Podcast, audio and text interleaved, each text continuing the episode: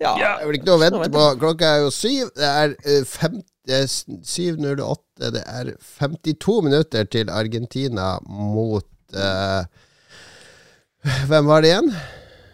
Jeg vet ikke. Hvem er igjen? Um, Polen? ja Argentina mot Kroatia. Mats, hvem vinner? Argentina. Lars, hvem vinner? Ukraina, Ok, får vi håpe. Messi skårer to. ja, håper det. Håper det. Eh, Vi heier på eh, Argentina, hvis det er lov. Det er fotball-VM fortsatt. Dette var, det er kanskje dårligste starten vi har hatt på en podkast-episode noen gang. Kanskje vi bare skal begynne på nytt. På linje med dårligste VM noensinne. Ja, ganske dårlig VM òg. Hjertelig velkommen til LOL-buen, eh, kjære lytter og kjære venner, og mine to kjære kompatri... Kom, komp, kompandres? Komp, hva heter det? Compatres? Cojone, cojones. Español, senor. Dere er mine to cojones. min venstre og høyre. Mats, du er min venstre ballestein. Oh yeah, baby. Lars, du er min høyre ballestein. Lars er den høyre som er litt større. Litt Hva skjer i pungen min for tida? I have the cancer, senor. cancer, cojone. Ja, nei, nå ble det veldig mørkt. Nå ble det Ok, vi må ta den starten. Det, nå kjører vi i grøfta uansett hva. Du vet hva, jeg orker ikke flere starter. Hva har skjedd siden sist? Mm. Jeg har kjøpt noen julegaver. Mm. -hmm. uh, Du har vært ute på jul- shopping med din mor, sa du, Ja. med fortvilelse på vår uh, Harstad-discord, fordi der var det en del andre som var i, uh, inne i eh, Jeg ville spille dataspill med dere i stedet Jeg- for å være og ja. julegaver. Ja. Nei uh, Åssen er julegaveshoppinga i Harstad? For ta meg gjennom det. Hvor dro dere først? Hva ble kjøpt? Ok, vi dro først på Elkjøp og måtte bytte en ting, fordi Ja. jeg hadde kjøpt eh, to gaver til mine nieser. Og så eh, var den ene gaven Det var, liksom, det var en sånn bul på eska. Det så ut som noen hadde åpna den, og så hadde de stappa den ned igjen og lagt teipen oh, ja. litt sånn på. Du hadde ikke gjort sånn måtte jeg- klassisk onkelfeil og kjøpt noe som du egentlig har lyst på? Altså hadde Nei. din mor bare 'Mats, du kan ikke gi det der til de, de, Det er ikke noe de ønsker seg'. Yeah. Jo, jeg har fått, jeg har fått tips, eh, for det er noen, eh, den ene venninna til hun eh, eldste niesa mi får også det gave. Det er sånn her, Ah. Det er som en sånn liten miniprinter hvor du kan skrive ut bilder fra telefonen din. Nesten som en sånn eh, Ja, det blir nesten som et polaroidkamera, bare at du skriver ut bildene i ettertid, på en måte. Ja. På et sånn bitte lite ark. Det ser litt morsomt ut. Jeg tipper det er artig for, eh, for jentene. ja, ja. Eh, hva mer har vi kjøpt? Jo, jeg har kjøpt noe Kjøpt et champagneglass til et søskenbarn. Mm. Og så har jeg kjøpt Nå håper jeg ikke de hører på, for nå blir jo alle gavene da, de her. Hva har du kjøpt? eh, eh, på Hva, hva har du tenkt Nå å blir kjøpe? ikke kontakte slektningene mine og dokse julegaver. Lars, ta, altså, slå, ta av deg headphonesa nå. Du, hva har du tenkt å kjøpe til Lars, Yes. Mats? Lars får ingenting. Ingenting?! altså, de, de som får gave i år, er de minste, for å si det sånn. Jeg gidder ikke Jeg kjøpte kjøpt en gave til mor og far, og uh, til uh, niese og ungene til søskenbarna mine og sånne. Det, det får faen meg holde. Weak. Weak games. Såpass. Men da, du har jo masse jenter, småjenter du kjøper til. Og Lars, du har også uh, småjenter i husen. Og eh, kanskje dere kan Ja. utveksle litt sånn tips og hva er det som er hot og sånn.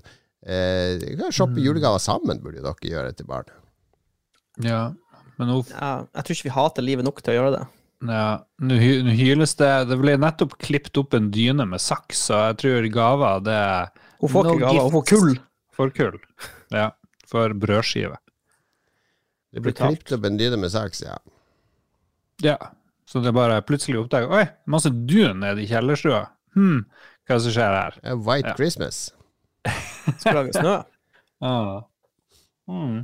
Ok, ok. Sånn Ja, men julegaver. Men hvor mye Det finnes jo verre ting enn å dra ut med sin mor og kjøpe julegaver. Var det veldig mye kø og sånne ting, eller gikk det forholdsvis greit? Det, det gikk faktisk. Jeg, var, jeg klarte å finne alle gavene jeg skulle finne. Ja. Bare det i seg sjøl var en, en stor seier. Så eh, det var ikke noe eh, Det var egentlig greit å bli ferdig med det. Jeg må jo gjøre det ferdig før jeg drar på jobb. Jeg er jo litt sånn tidspress på meg. Ja, ja, ja, du skal jobbe i jula. Jeg skal jobbe i jula, jeg drar jo snart, så jeg må bare Alt må være i boks. Og pumpe! Pumpe gjennom hele jula. Pump, Skal, jeg skal pumpe gass ned til Europa. Olje, olje, olje, olje, olje, olje, olje. Akkurat sånn, det er skal sånn man pumper. Hvorfor gjør de Jeg ikke sånn? sånn, jeg skal stå sånn i 15 dager. Altså. Hvorfor gjør vi ikke sånne her spørsmål på Dagsnytt 18? Det syns Ja. jeg hadde De er ikke, de er ikke så gode å stille Ja, spørsmål. jeg syns. Fredrik Skavlan har mye å lære her også på den debatten. Han kan også leve seg mer inn i spørsmålene. Kom på vårt nivå. Jeg synes han også, Fredrik Skavlan, det hadde tatt seg veldig opp Debatt 21 hvis han hadde begynt å herme. Hvis han hadde sagt sånn der eh, i Per-Willy sånn der Ja, er det dette dere vil? Nei, Fremskrittspartiet er imot det her. Så kan han svare «Nei, Fremskrittspartiet er imot det her. Altså bare begynne å ape etter Per-Willy, og så se hvor langt han kan ta det før Per-Willy eksploderer. Eh, vet du hva, jeg hadde sett på dette debattprogrammet. Lett. Om å gjøre å provosere de mest mulig. Jeg tror politikere er ganske flinke til å holde provokasjonene inni seg. Det er bare sånn Martin Skanke og sånn som klabber til folk. mm, Ja. ja, men kanskje, kanskje vi har en idé her. Ja. Vi kan bli national hvis vi kjører på. vi kan kalle det for Provokasjonspanelet. Vi har, vi har noen jul her. Ja, alle julegaver Alle julegaver er ferdige da, Mats. Alle julegavene er ferdig. Ja. Uh, jeg kan egentlig bare dra på jobb, faktisk. Jeg kan si sånn julegavemessig for min del, så har jeg, jeg har jo en kone som er veldig glad i jul, og hun har vært ute nesten hver kveld og kjøpt julegaver til alle på kryss og tvers. Så jeg, jeg er utrolig heldig der, da. Jeg har vært ute og kjøpt noen få, da. Det har jeg. Men det er mest Jeg syns det er litt kos å kjøpe de julegavene, for jeg kjøper de morsomme tingene som jeg ønsker meg litt sjøl. Du kjøper sånn prompepute og Ja, brettspill ting. og sånn til ungene som far Ja, okay, ønsker seg. Og sånn. Ja. Jeg er veldig flink til å kjøpe ting jeg ønsker meg sjøl, eller ting jeg hadde satt pris på sjøl. Ja. Jeg bare Ja, se der, eh, noen sånne eh, stebarn. De skal få science fiction-bøker, uansett om de liker det eller ikke. Ja, ja, Vær så god. Dette må Frank du bare Frank Herbert og sånt. Ja, ja, ja. De er jo litt Ja. dune, det funker bra. Ja. Kan jo hende. Det er jo en viss prosentsjanse for at de De må jo, de må jo verves på et tidspunkt.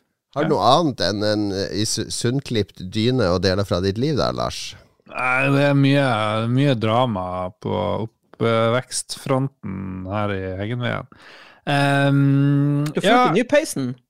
Uh, jeg har brukt ny peis. Ja. Det- man må begynne litt forsiktig, sa peismannen, som skulle ha 7500 for å sette opp eh, en peis på to-tre timer. Holy mamoles! Det er jo godt- godt det det betalt. Glem heismontører. Det er liksom Hva koster peisen? Uh, Prisen kosta 18 000 minus noe sånn 30 uh, Så du dere betale betalte over halvparten av prisen på peisen i montering? ja, noe, noe sånt. Nei, men det jeg så noen må- sånne snaps fra den peisen, for du har ikke sånn der Mm. gulvdekke foran, har du det? Nei, det, det har vi ikke fått. Nei, for det, første som skjer når feieren kommer, han sier den peisen er det ulovlig å bruke fremfor det, frem til det gulvdekket er på plass. For det Ja, gulvdekket klarte vi å knuse. Jeg trodde det var sånn uknuselig, men mine unger klarer å knuse alt. Det blir knust. Og så kom feieren på inspeksjon. De kommer på inspeksjon sånn hvert fjerde år eller noe sånt. Han bare Ja, ja, Det kommer fra brannvesenet. Ja, den, den kan ikke brukes, for hvis det kommer en gnist ut og treffer parketten, så er det stor brannfare. Så den skal ligge der og ta imot gnister. Ja. Ok, Og så prøvde jeg å bestille en ny, Fordi det er jo sånn rund peis. Du har også sånn rund peis, ikke sant? Ja, ja, ja. Prøvde å bestille en ny. Eh, på riktige mål og alt. De klarte å sende oss en som var akkurat litt for liten, så at det ligger litt sånn der eh, på skakke utfor, fordi det, det veier jo et tonn. Jeg orka ikke begynne å sende den tilbake. Å, herregud. Magisk. Ja, nei, vi er der vi må bestille. Men jeg visste ikke at det var Det er jo logisk at det kan begynne å brenne. hvis Ja, det er påbudt. Så altså, selvfølgelig, hvis du har døra igjen hele tida, så er det jo ikke sånn voldsom fare. Men, eh, men det, det er påbudt. Det er brannforskrifta. Det skal vi Mm. Ja. respektere. det. Skal vi respektere. Beklager, alle sammen. høre på fagfolkene. Mm. Men du har skrevet at Lolbua løser demografiutfordringene. Ja, fordi jeg så rett før her vi begynte, så så jeg Dagsnytt 18, som ble referert til tidligere. Og der var ordføreren i Harstad uh, og måtte forsvare at de skal bruke millioner på å få Kompani Lorentzen. Uh, dessverre ikke Kompani Jon Cato Hvorfor lager ikke vi kompani Hvorfor har ikke vi tenkt på det å lage Kompani Lorentzen i, eh, i Lolbua? Det er et godt spørsmål. Nå. diktator. Ja, så var det ikke alle som er fornøyd med at Harstad skal bruke masse millioner, Det- som de kunne brukt på Ja, fordi skole. På rødskolen! På det er ikke alle som følger med i disse lokalnyhetene som du kun får lest i Harstad og Harstad Tine og den lokale debatten.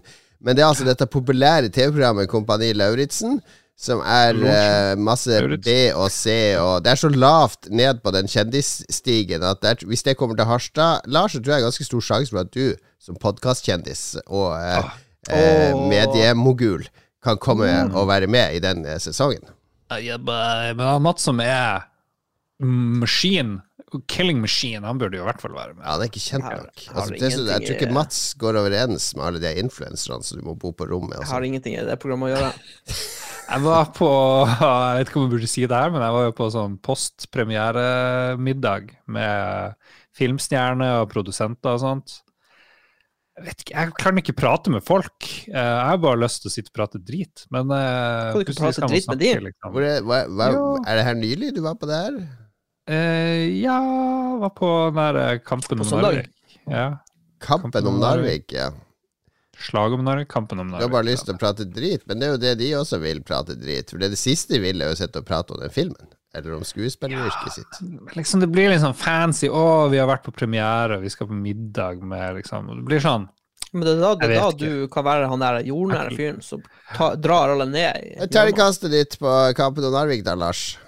Jeg har den i anbefalingsspalten, så bare Det går ikke an, bare fordi du har vært på premieremiddag. Det blir jo slakta overalt ellers, men det er en liten middag til å henge med kjendisene, så er det terningkast seks fra Lars Rikard Olsen. Armageddon 2, Kampen om Narvik. Smorninga fungerte. For, for en smør... Det er jo smøreprinsen som sitter her. Ka-ching, ka-ching. Anbefalingsspalt Er det en verdig anbefalingsspalten, Mats? Nei, vi tar det i anbefalingsspalten. Oh. Jeg har allerede prata med Mats om den filmen. Oi. Vi sparer det, vi sparer det. Jeg har vært derimot på høykultur, ikke sånn lavkultur som eh, en eller annen norsk eh, Er det sånn Olsenbanden-film, eh, Kampen om Narvik? Er det sånn komedie? Jeg vet ikke, Hvorfor ikke du sagt spoile min anbefalingsspalte? Jeg, jeg har vært på høykultur. Jeg har vært i Domkirken i Oslo og overvåke, overvært eh, Sølvguttene, som synger julen inn. Der var også NRK og filmet. Jeg satt da med mitt mest ettertenksomme fjes, øynene igjen, og nøt korsangen fra disse evnukkene på scenen. Deilig er jorden Ja, ja. Ja. Klarte du å skjule din bitre, ditt bitre hjerte, og liksom kom det en tåre, til og med? Nei, ingen tårer. Det som beit meg merke til, er jo at eh, alle sånne benker i kirke er jo veldig harde av tre, da, og får vondt i ræva ganske fort. Det er veldig vanskelig å sove i de setene. Eh, altså, vi hadde jo med oss en masse unger, nevøer og nieser og sånn, som var litt små, så jeg holdt jo på litt å underholde hun ene der, hun minste, og sånn, for at de skulle være stille. For dette er jo veldig sånn voksenkonsert. Er Ganske, jeg er jo ung i forhold til snittalderen i publikum her, og det blir litt sånn der blikk bak hvis en unge lager en lyd sånn Ja vel, ja vel, hvorfor skal de sabotere konserten for oss? Her skal vi nyte og få julestemning, og så har de med barn! Det er litt sånn. Ja, ja. ja jeg ser det for meg. Men det er jo ikke noe som er mer irriterende enn sånn hylende barn på hva som De helst. hylte jo ikke, men det her det blir så sakralt og stille her. Ikke sant? Det er én gutt som skal synge solo. En sånn det er, sånn liten, bitte liten en sånn liten pipestemme. eh, gutt som ikke har kommet i stemmeskift til torsdag. Altså, det er jo ganske stille, ikke sant? Så selv hvis du bare gjør sånn her Kremte litt. ja, bare si, Er det pustetungt? Så snur folk seg bare Hysj!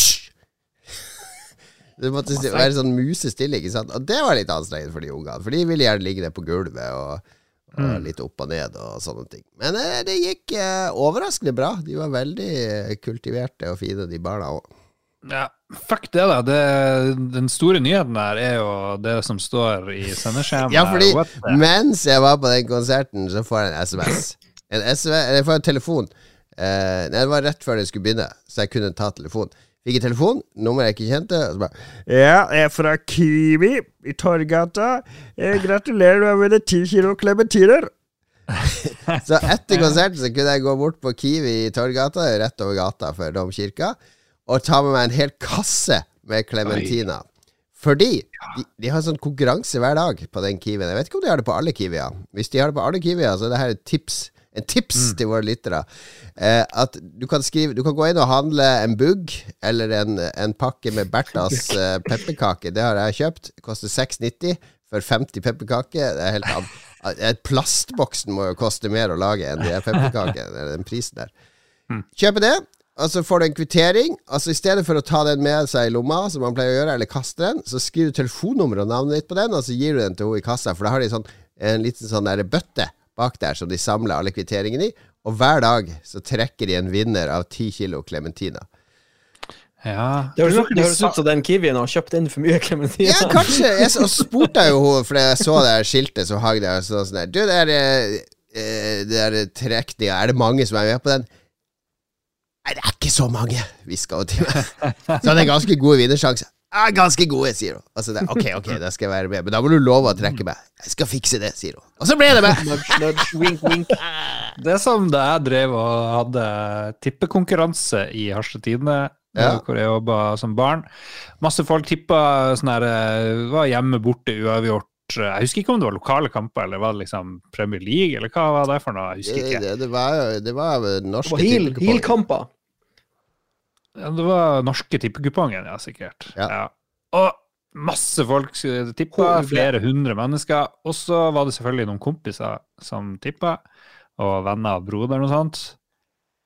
Hva dere tror er sjansen for at det ble litt juksa på den tippekonkurransen? Du, du som skulle tr trekke randomly en vinner. Ja, for det var jo noen som fikk en premie eller noe sånt av og til. Sånn, hvis du så et kjent navn, så var det så graviterte du bare mot det, det kjente navnet. Ja, Jeg var jo 10-11-12 år, jeg husker ikke det. Jeg måtte sitte og gjøre den grusomme jobben. Jeg fikk jo selvfølgelig penger, men det var jo det var helt forferdelig. Men det var kanskje noen naboer og noen venner av broderen og litt sånt som eh, Du var må, der. du må aldri bli dommer, Lars. I am impeached. Korrupt, korrupt. Men herregud, hvor mye ti kilo klementiner er, fant jeg ut når jeg kom hjem. Fordi de råtner jo ganske fort. Så, så ut, Det var noen som har begynt å bli myke allerede. Ikke sant? Her, her må jeg jo Så jeg, jeg har jo gitt pose, to pose, sånne bæreposer bort med klementina til folk. Og så hadde jeg med én bærepose på jobben, eh, Wow. som, eh, som jeg delte ut. Og vi har fortsatt så har vi jo sikkert 30 klementiner igjen av den der digre kassen. Kan man liksom lage saft av det, lage øl, lage vin? Mange muligheter. mange muligheter Min kone hadde ost og klementin på knekkebrødet sitt til frokost i dag tidlig, bare for å komme seg gjennom alle klementinene. Men tror dere det her klementingreiene er for å identifisere en viss gruppe mennesker? Hvem er det som er med og vil trekke, trekke ti kilo klementiner? De er sikkert med på ganske mye. Weird shit. Så nå er du Det er gøy å vinne, da. Det er gøy å vinne. Ja. Kanskje du deg inn i sånn swingermiljø uten at du er klar over det. Ja, ja, kanskje det er kode. Jeg vet ikke. Jeg finner ut.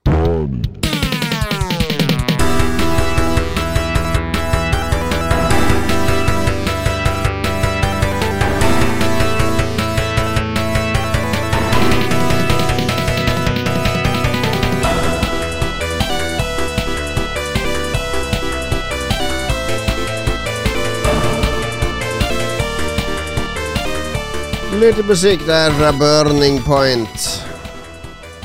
Burning Point. Burning point. Det er når du har hatt ubeskyttet sex med en prostituert. Da risikerer du å få en burning point. Litt frekk på det. Det er desember, vi skal egentlig ikke være sånn frekk.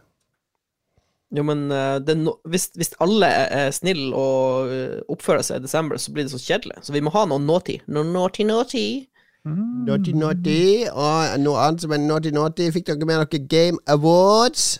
Mm, ja, så. Jeg fikk ikke med meg hele Game Awards. Jeg så det i ettertid, og det, var- det begynte jo Først var det sånn pre-show på en halvtime med en dame med sånn fjærkjole på seg. Det var kjempebra! Altså, det, det som var så bra der, var bare det var nye trailere. Delte ut priser. Tjum, tjum, tjum, tjum. Og så var det sånn der Ok, det skal være e-sport. Og så bare Å nei, nå kommer de prisene. Beste e-sportutøver, beste e-sportlag, beste e-sporttrener. To minutter brukte hun på dung, dung, dung! Så var jeg ferdig med den forbanna e-sporten. Altså, det var den bra starten. Og så begynte selve showet, og da kom Al Pacino på, og da ble det så cringe at jeg måtte faktisk slå av. Jeg hadde ikke klart å lese teleprompteren, og står der I don't play video games! Det- det ble litt flaut. Men så kom han God of starten. Opp, og da ble det varmt og koselig, og han prata masse. Tok Ja, altfor lenge. Ja, men det, det, det er et eller annet her um, Jeg vet ikke. Det, jeg, jeg, jeg, jeg hadde litt sånn feel good etter jeg hadde sett den, at det var mye Det var et eller annet som resonnerte hos meg. Jeg må sortere litt mer på akkurat det der. Ja, jeg bare så begynnelsen der, og så lot jeg det stå i bakgrunnen, og så prøvde jeg å følge med på noen trailere. Men siden jeg ikke har fått med meg alt, så tok jeg lista opp eh, nesten alle sånne nye ting, som ikke bare var sånn DLC, i hvert fall, og sånn, for det, det prøver jeg å styre unna. Men det er altfor mange ting her. da. Det er 18 ting, så vi kan ikke ta ja. Men uh, eh, helvete så mye ting. Ja, jeg prøvde å liksom Al sortere liksom, sier What do you got? Jeg prøvde å liksom ta det fra toppen her. Men jeg har glemt inn trailere, så vi kan kikke litt. Uh, Ja. Begynne med Hva vi skal begynne med? Hades 2. Hades Hades. 2. Hades! Hades? Hades? Hades 2. Hades 2. Hades. Hades Pub. Fuck. Hvor mye måtte man fullføre ene? Jeg har spilt det gjennom tre-fire ganger, liksom. Og så gidder jeg ikke å bruke hele livet mitt på aids, liksom. På Hades. Det er jo et Ja. fenomenalt bra spill. Altså, jeg er Ja. litt skuffa over at Supermassive ikke lager noe nytt, men i stedet lager ja, oppfølger, for det har de ikke laga før. For dette ser ut som eh, Hades på nytt igjen. Ja. Bare med ei dame. De har jo laga Bastion, og så lagde de det der basket... Det der, det der volleyball-fantasy-spillet. de har jo alltid eksperimentert. De lagde jo også der med Transistor, som vi Ja. elska, som på en måte er en sånn prequel til Hades, sånn gameplay-messig. Og så kom Hades, som ble Det er jo den ordentlige megasuksessen deres. Og så er det forståelig at de vil lage en Hades 2. Jeg tenker det, det er sikre penger. Det er det, Ja, alle, de liker penger. det er det alle sier. Hvis du har en suksess, så må du jo fortsette med den suksessen. Ja, det er ganske trygg, eh, Ja. trygt valg. Ja. Først kom første verdenskrig, så andre verdenskrig. Ja. Hvorfor kom ikke tredje Først kom, først kom Alien, og så kom Aliens. Ja. Først kom Først kom Terminator Star Wars 1. 4, så kom 5 og 6, og så kom 1, 2, 3, og så Ja, Først kom Police Academy 1. Og så, ja det nei, er riktig. Er det noe spin-off-filmer til Police Academy, forresten? Det bør være det. Eh, Jeg vet ikke. Det Og de kunne lagd sånn De kunne lagd sånn eh, med et SWAT-team, et sånn wacky SWAT-team. For det var jo også en tegneserie, husker dere? Du har en fyr som lager så masse morsomme lyder, og så har du en sånn skikkelig Mm. høy fyr. Så har du en fyr som elsker vold. Jeg vil se en serie om folk som swatter andre. Det er, der har du SWAT-team. De bare tilkaller politiet, og så pranker de. Så blir en sånn streamer skutt og drept av politiet, ja. og så er det litt sånn trist. Oh no! OK. Um, Hei, to. uh, yay or nay? yay or nay? Ja, tommel opp fra meg. Jeg gir det tommel opp, for jeg elsker eh, Hades. Hades. Tre. Hades. Tre tomler opp der. Selv om jeg er litt enig, litt skuffende at de kommer med en oppfølger. Jeg tenkte åh, for det første de sa på showet, var nytt spill fra Hades-skaperne, og så bare å, enda mer Hades. Eller Hades. Hades. Men eh, la oss ikke um, La oss ikke dømme spillet helt da, før vi har spilt det. Det kan jo hende det er sånn her Holy shit! Det er masse nytt. Ja, jeg eh, vil jo tro at de gjør noen nye ting, sånn som jeg Ja. kjenner det studioet. Så vil jeg tro at de dyrker jo det de er gode på. Det er voiceover, og det er det narrativet, det er blanda med det gameplayet. Og så tror jeg de, de prøver noen nye ting. Helt sikkert. Ja. Jeg, jeg er klar. Neste ut skal vi til Norge. You do all of these things in my dreams. Awakening. I am Det er vel bare en sånn teaser-trailer? Det er Ja, vel det, gameplay? Det er pre-alfa-teaser. Jeg vet ikke om du kommer det er lenger. visst noe Det det er noe sånn der uh, Av de klippene som er fra spillet. Altså fra Ja, in ja, game. det ser sånn ut. Uh, survival MMO, er det det? Jeg går ut fra det er Conan Exiles bare på Arrakis. Ja. Kan du lage en med svær penis, da? Sånn som i Jeg håper det. Jeg vil, jeg vil ha en sånn her eh, En Harkonnen-fyr med diger sånn her spice-penis. Mm. If you put your penis in the spice, it will grow to an enormous size. Ok. Oh. Eh, Earthblade er et nytt spill fra Celeste-folkene. Skal du ikke gi er tomler på med. Dune? Ah, fuck, jeg glemte det. Jeg ble så fort lei av Dune, for vi vet jo ingenting om det. Men ja. Det er langt unna. Det kommer sikkert ja. neste år engang. Ja, ja ta det er jo norsk. kommer sikkert i Det er jo- 2024. jeg, må, jeg er forplikta til å gi tommel opp, for jeg kjenner Ja, sånn som jobber der. Jeg er klar for å springe naken rundt i ørkena med Yeah. penisen hengende fritt. Rulle rundt i spice. Men jeg bare ser for meg de her Konan-spillene. Du springer rundt naken og liksom Det er, Det er det er slitsomt. Konan, men ser, trikset med Konan Exiles er å, å spille med noen venner og lage en sånn liten landsby. Mm. Det, da blir det artig. Eller lage et stort prosjekt sammen. Men og, jeg, tror det, jeg tror ikke de spillene der gjør seg alene. Men folk har jo oppmerksomheten til en mygg, så alle ja, spiller det i to uker, liksom. Og Ja, men det er det som, det er, det som er fint med sånn, sånne spill, at du kan gjøre det i ei helg, og så er du ferdig med det. Så har du fått det ut av systemet. Du må ikke spille det religiøst i seks måneder, liksom. Det er det som er, Jeg elsker sånne spill hvor du kan sette deg ned og bare gjøre det. Tommel opp i en helg, liksom. Det må jeg si er dårlig. Ja, men tenk på alle de opplevelsene, så kan du tenke tilbake den gangen han fyren ramla ned fra muren, og så flirte alle, og så Mm. eh, gikk han seg vill når det var natta. Emergent narrative, Lars. Ja. Emergent. Ja, Emergent. Jeg elsker det ordet. Si det. Det kan du bruke også eh, overfor din kjære om natta når du har lyst på litt action. Så kan du løfte litt på dyna og si 'emergent penis'. Emergent penis. Det ble mye penissnakk. eh, Kanskje jeg er understimulert, jeg vet ikke. Standup-bua i det samme. Dessverre er det mer Dune-aktig i senga for tida, så jeg må emerge litt mer, tror jeg. Kun spille dataspill med emergent narrative resten av spillet, eller alltid gå rundt med en emergent penis. Jeg vil ha emergent penis. Det høres ut som du hadde han der eh, Ja, de som blir tatt for metoo, de hadde mye emergent. Ok, ok.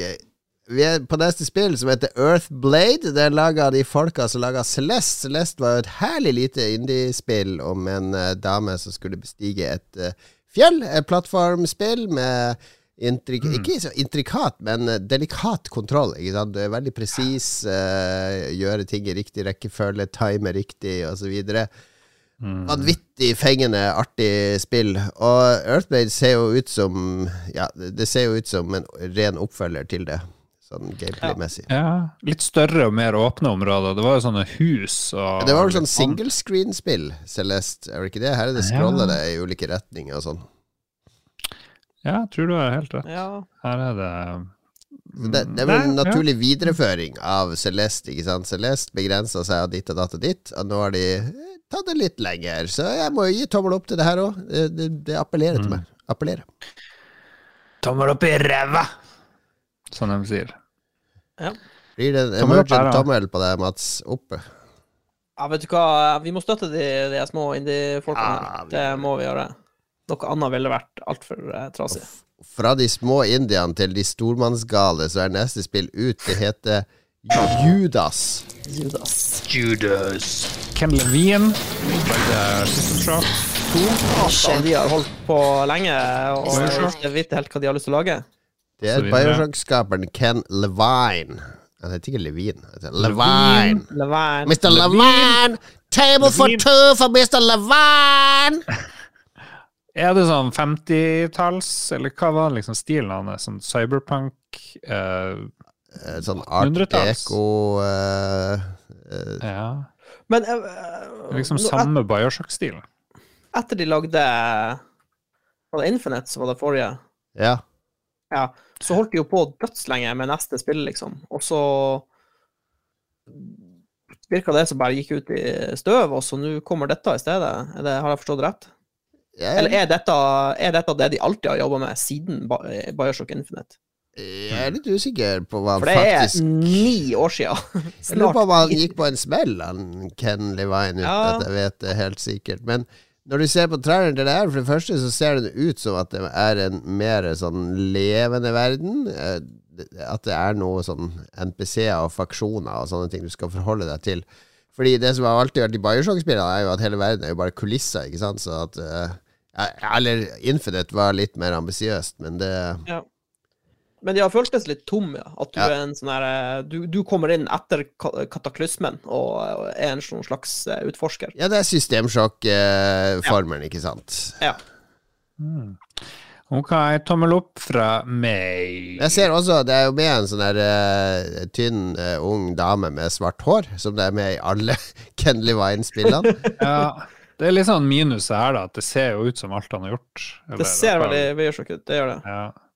Det som skjedde i 2014, var at han stengte jo studioet sitt i Rational Games. eh, og så tok han med seg 15 av de ansatte der og, og skulle lage et nytt studio. Så Ja. han har vært i, i eh, Har vært i limbo. Vært litt i limbo, ja.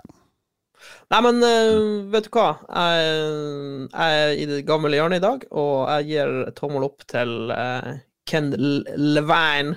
Ah, ja, ja, jeg gir tommel opp. Men hva, jeg syns det var så mye bra trailere på dette. Det er det beste Game Awards sånn innholds, altså spillinnholdsmessig som har vært. Jeg syns det var det ene spennende spillet etter det andre. For en tid å være spiller, altså.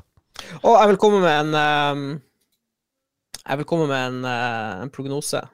Prognosis. Diagnose. Uh, du, I Judas så spiller du en kvinnelig eh, eh, protagonist, og du kan ha en eh, en eh, romanse med ei anna dame. shit, boys. Nå er vi i 2022. Jeg husker det året det der Deathpoolen og årsspådommene våre De kommer litt seinere, om et par episoder. Skal vi se Jeg tror jeg spådde at Elon Musk kjøpte Twitter, så vi får se. Oi, Oi, oi, oi, oi. oi, oi, oi. Og så må vi Er det neste? Ok, det her blir veldig planlegging. Er Neste uke er det Game of the Year. Skal vi ha noe Game of the Year? Vi må det, of sånne Year. ting det er jo ikke jeg å arrangere, så det er opp til dere. Ja, Jeg holder det vel lang avstand til Goti. er ferdig på jobb eh, om seks dager, så jeg vil bare si at Boys. Goti 2022 er Elden Ring, og dere hørte det hos meg. Marvel Snap, så var det du sa. Jeg klipper det til. Elden Ring! Men vi kan spille igjen en liten, kan spille inn en liten Goti før du drar, Mats. Det er jo kjempeartig. Nå spoila du jo hva Game of the Year var, men ok. Nei, Goti, Goti Elden Ring. Ok, Game of the Year, Elden Ring, det har vi gjort. Blir ikke noe mer Game of the Year. Skal vi gå gjennom alle disse trailerne du har lista opp? Nei, vi altså? trenger ikke gå gjennom alle. Vi må jo se litt på uh, Armored Core 6. Apropos uh, From Software. Ja. Litt uh, guttene som lagde Elden Ring, som nettopp vant Game of the Year i, Ja. hos oss. De går tilbake til Mac... eh, Ja, de, de har laga Armored Core i mange, mange år. Det Ja, de har- er har jo- på en måte vært uh, Var jo hjørnesteinen deres. Armored Core uh, 6! ja. Fires of Rubicon!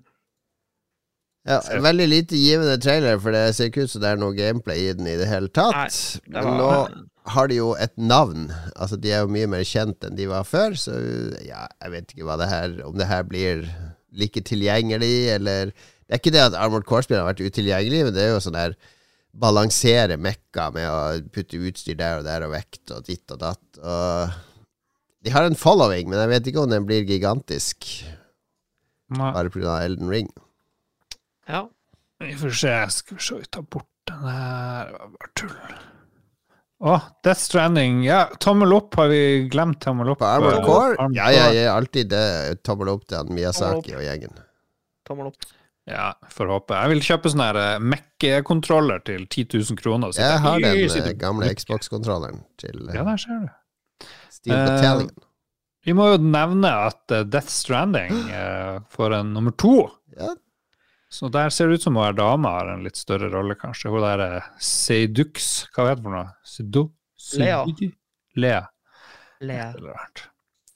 Og jeg trodde han skulle jobbe med noe sånn helt revolusjonerende ting, for han driver jo og liksom hinte om noe Xbox-samarbeid, og de skulle gjøre noe nytt.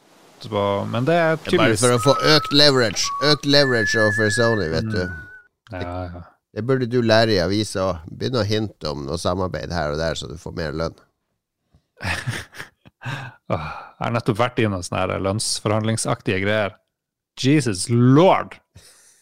For Det et er ikke artig å forhandle Ja. om retten til å leve.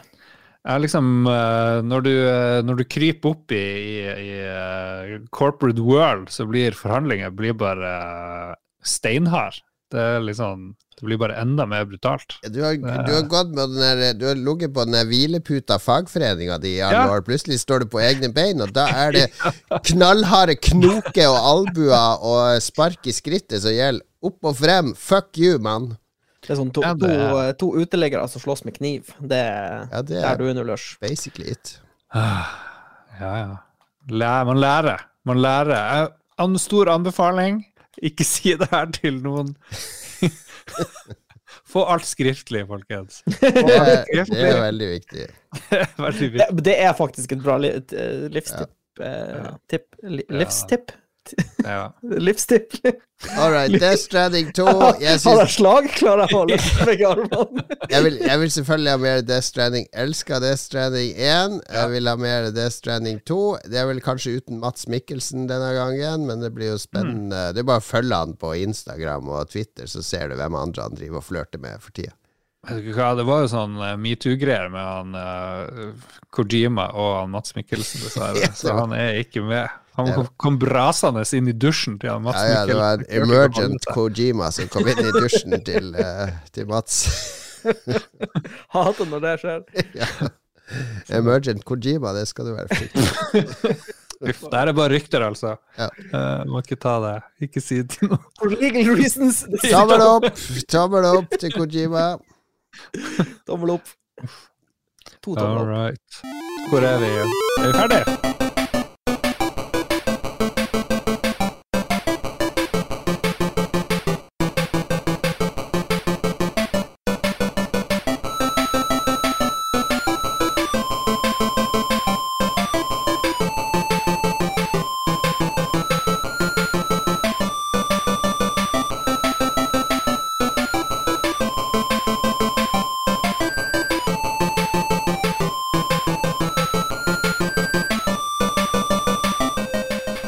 Vanlig så er det 1000 kroner Eller vet du hva, nå skal jeg si 10 000 kroner til den av dere som vet hvilket spill det der var fra. Bubble Bobble 3. Bubble Ja. Crisis in Ja. Paradise. Feil, feil. Lars, har du et forslag? Mm, Samantha Fox Dypoker 2000 DX. Nei, men du er ikke så langt unna, for det var fra spillet Det danske mobilspillet Slere Mere. Altså et uh, harseleringsspill der de harselerer over Mette Fredriksen, eh, statsministeren i Danmark. Det heter Slere Mere. Faen for en uh, noen perler du graver opp her. Ja, ja, ja. ja, ja, En av jobbene mine er å eksponere Eller våre er å eksponere lytterne for nye impulser. Ikke sant? Så da er det sikkert noen som er, blir nysgjerrig på dette spillet Slette Mette, eh, som, uh, som jeg tror er et politisk lada spill. Ja.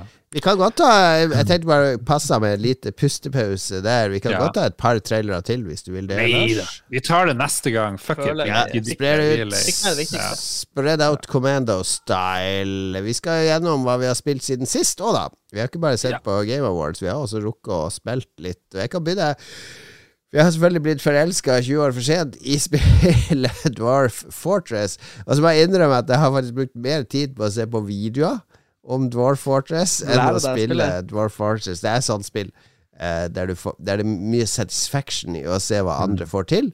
Og så Ja. føler man seg veldig dum når man prøver å få til ting sjøl, men sånn gradvis Jeg har bare så vidt skrapa overflata, men jeg har starta på nytt et par ganger, og nå har jeg begynt å få en sånn der eh, fort som jeg er fornøyd med starten på. Jeg ikke har gjort altfor mye feil, men jeg vet jo jeg kommer til å fucke opp om en time eller to. Så kommer alt til å kollapse, så kommer det eh, noen gobliner og dreper alle dvergene mine. Men det er et 20 år gammelt spill som var sånn ASKI-spill i alle år, med sånn bokstaver og, og prikker og tegn og veldig abstrakt.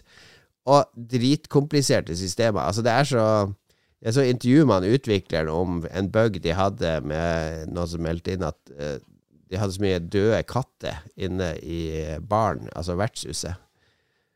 Hva det skyldes? Jo, det skyldes altså var det, bare, det er system på system på system, fordi dvergene de drikker altså, der er krukke med vin der inne, eller øl.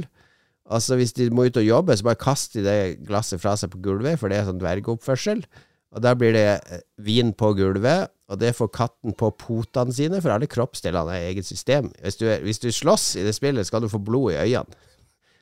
Det, det er en sånn sjanse for det, ikke sant. Og da må du det, det var også en bug en gang, Fordi hvis du fikk blod i øynene, så kunne du ikke se. Altså hadde ikke noen måte å få det bort på. Så de innførte øyelokk, et eget system. Så øyelokk de blinker hvert tredje sekund. Og for katter altså Du kan få gris på beina dine, og katter får vin på potene, eller øl.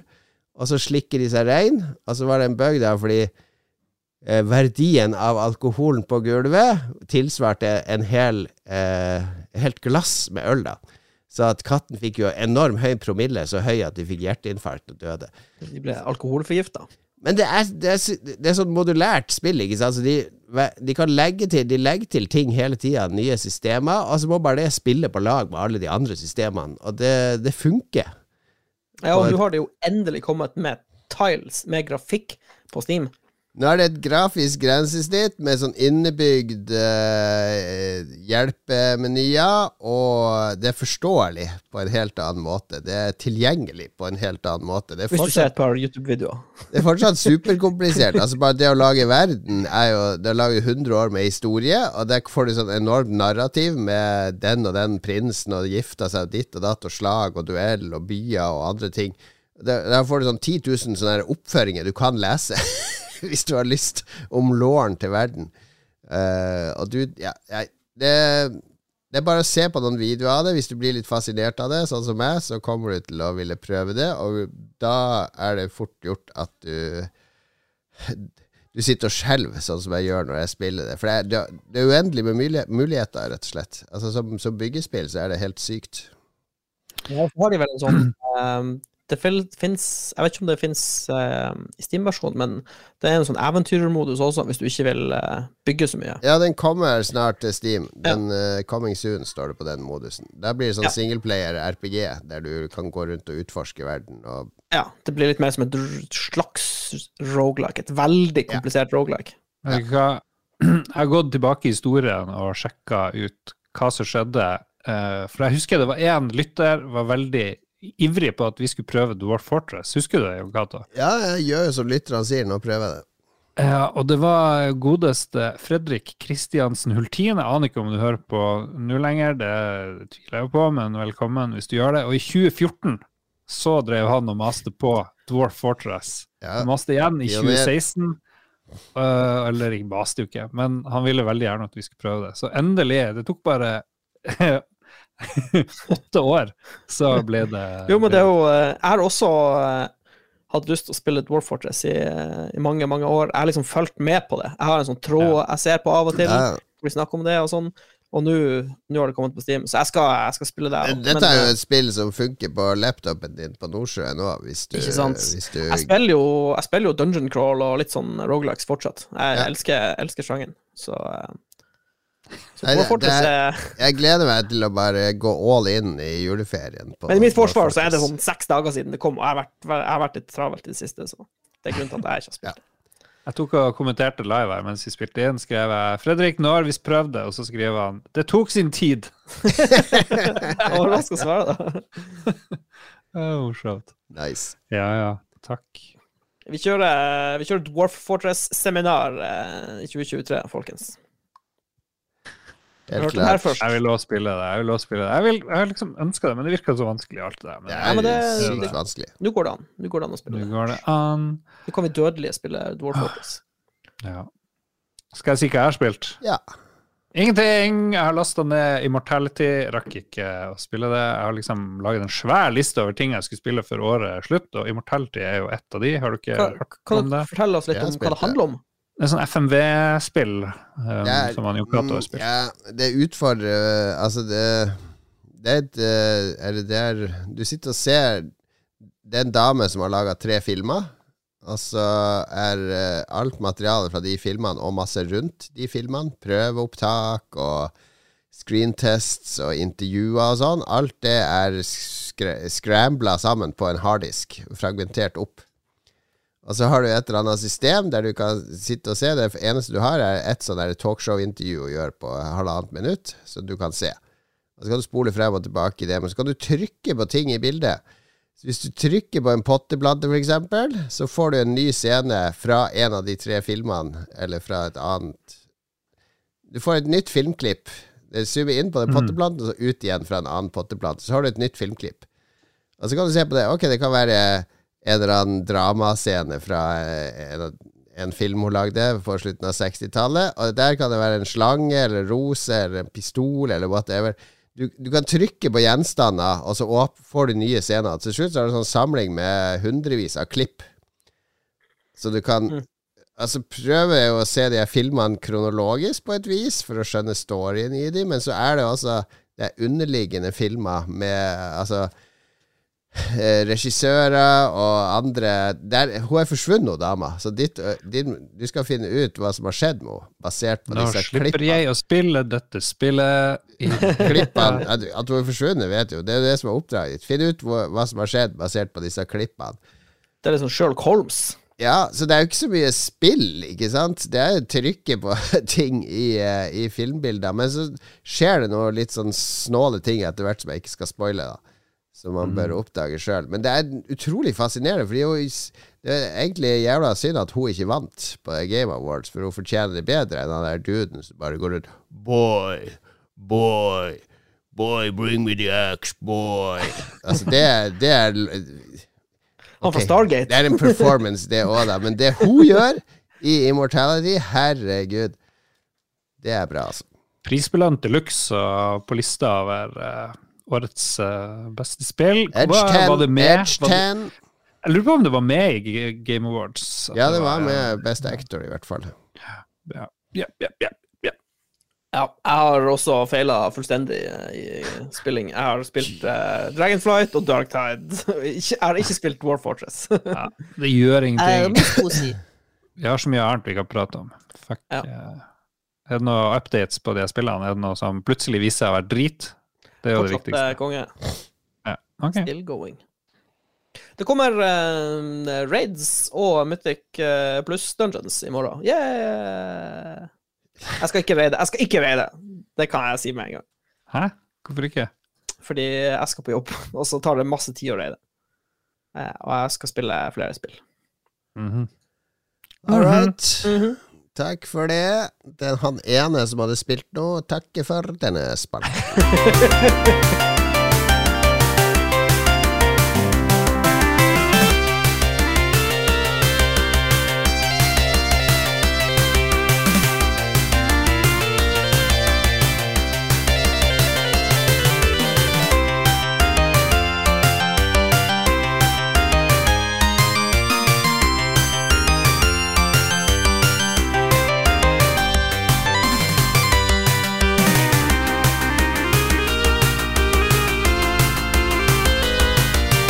Forest of the Demon Spider heter den låten. Jeg husker ikke helt hvor den kommer fra. Lurer på om det er fra spillet uh, Buster Hmm. på X68000 i 1995. Hvilket spill kommer det fra egentlig, Mats? Nei, det kommer jo fra eh, Relentless uh, Assault til uh, Amiga 500, Ja. hvor du slår en knyttneve inn i et hull. det er faktisk det eneste spillet går ut på. Du skal, skal fiste et hull. Jesus. Hvor, hvor er det hullet hen? Ja, det er bare svart. Svart hull. Filmsettet til Isabeth. Det er et mystisk hull. Hvor-. Jeremy. Hvor er egentlig dette hullet? Er det, er det i Argentina? Er det Er det hjemme hos Lars? Er det et emergent hull? Emergent hull? Det er faktisk ikke hjemme hos meg. Hvordan visste du det? Det er jo helt vilt. Jeg vet. jeg vet. Okay. Av og til vet jeg bare. Nå må vi roe ned, for nå har vi kommet til august 1986. Åh, kan vi ikke komme til 90-tallet snart? Jesus Christ, hvor lenge varer det? videre. 80-tallet? Spalten lever Hvor lang tid tar det før vi er på 90-tallet? Det tar jo faen meg masse år. Ja, det er, ja, det er 40 episoder. No! Men jeg ser, jeg ser Jeg har faktisk spilt eh, opp til flere spill på den lista, så jeg, Ja. jeg er med. Jeg er Tror det blir bra Tror det blir bra denne gangen. Nei, det skjedde noe i august som er verdt å nevne.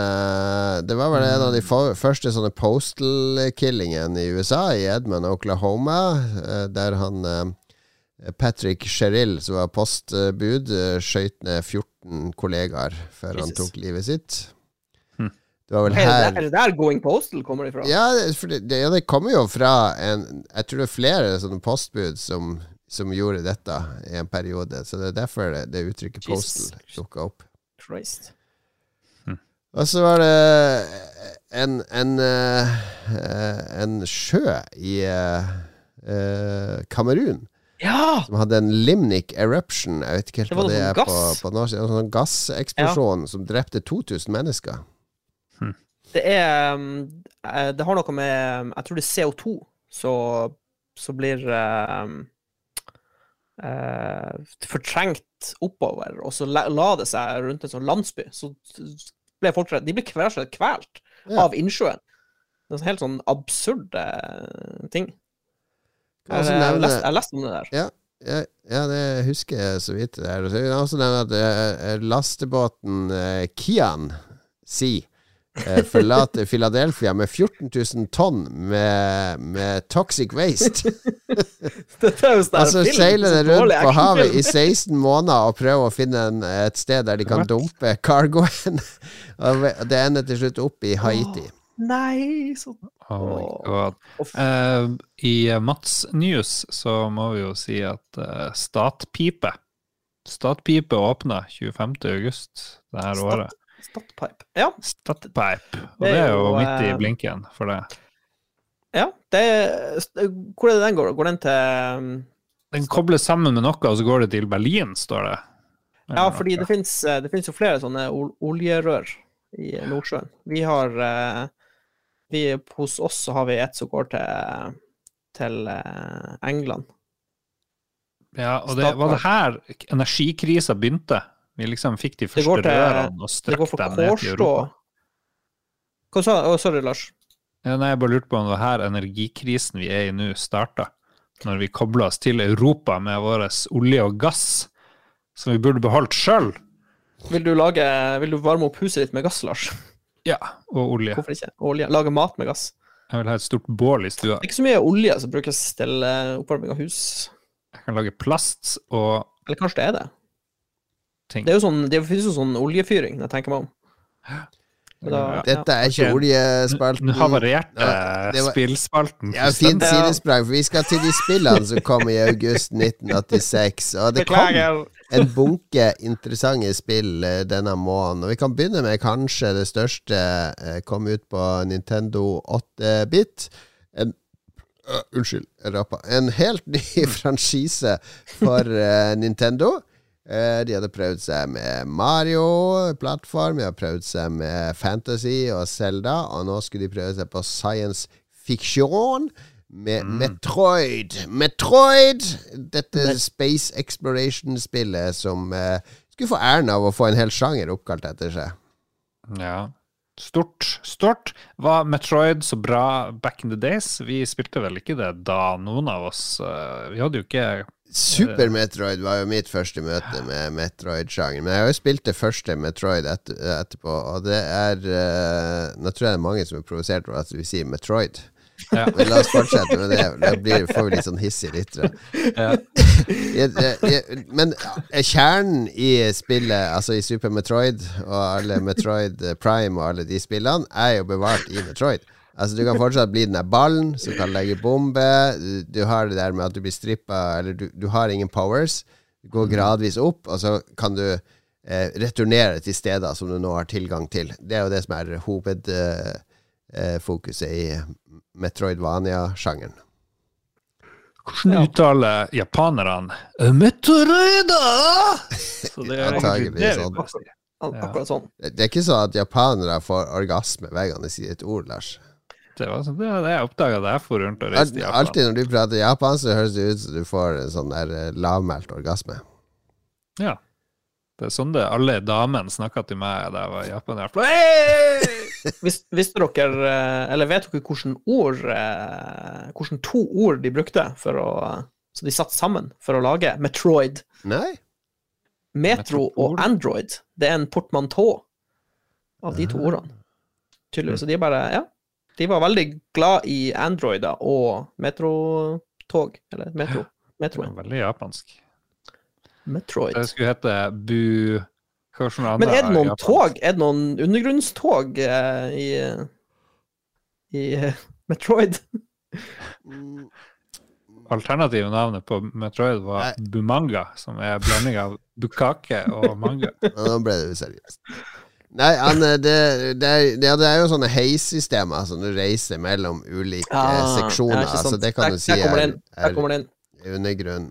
Og så er det jo en bok som heter Maestro Mario. Den har jeg lest, om eh, Nintendo og, eh, og, og spillmusikk.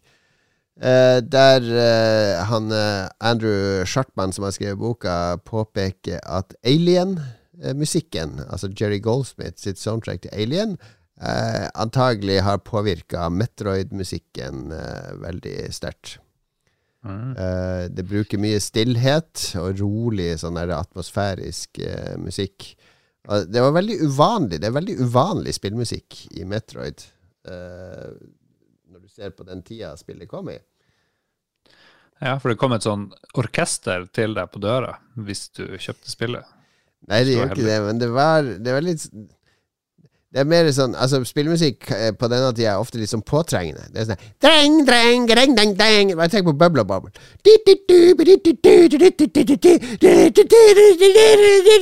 Nå har du det gøy! Ja, du har det gøy! Ja, du har det gøy! Altså, du blir jo gal, ikke sant? Mens Metroid, det var mer eh, sånn som det her.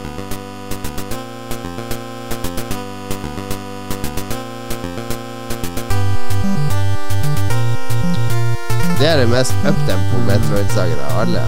Selv her Litt hører du sånn- den boblinga som ligger under. Det er jo bare Zelda-musikk, egentlig.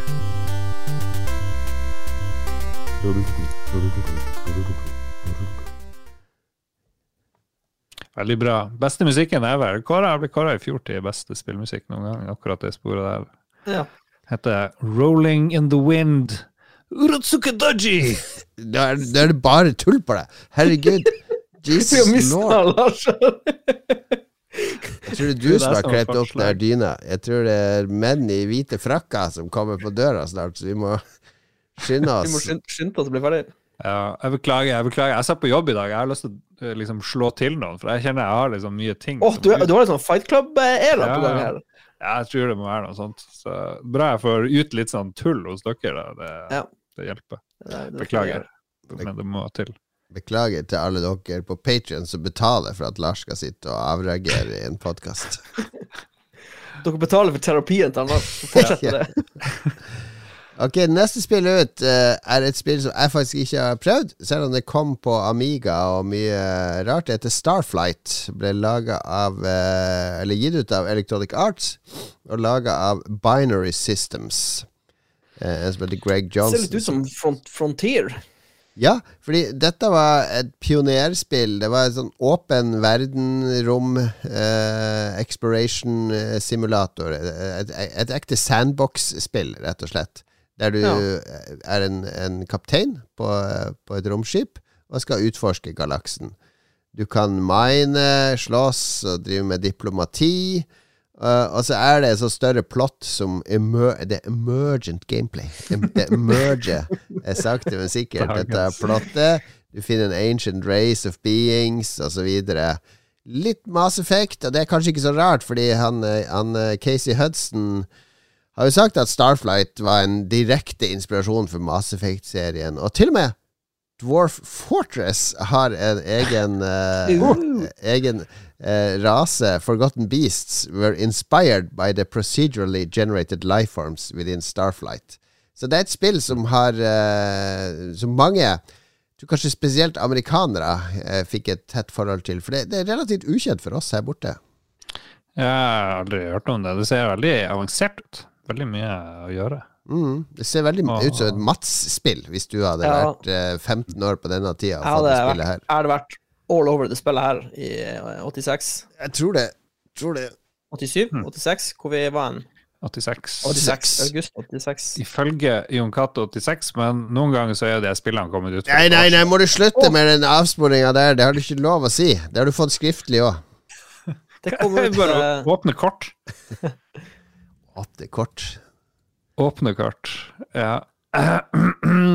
Vi kårer det som vinner allerede. Nesten, kanskje.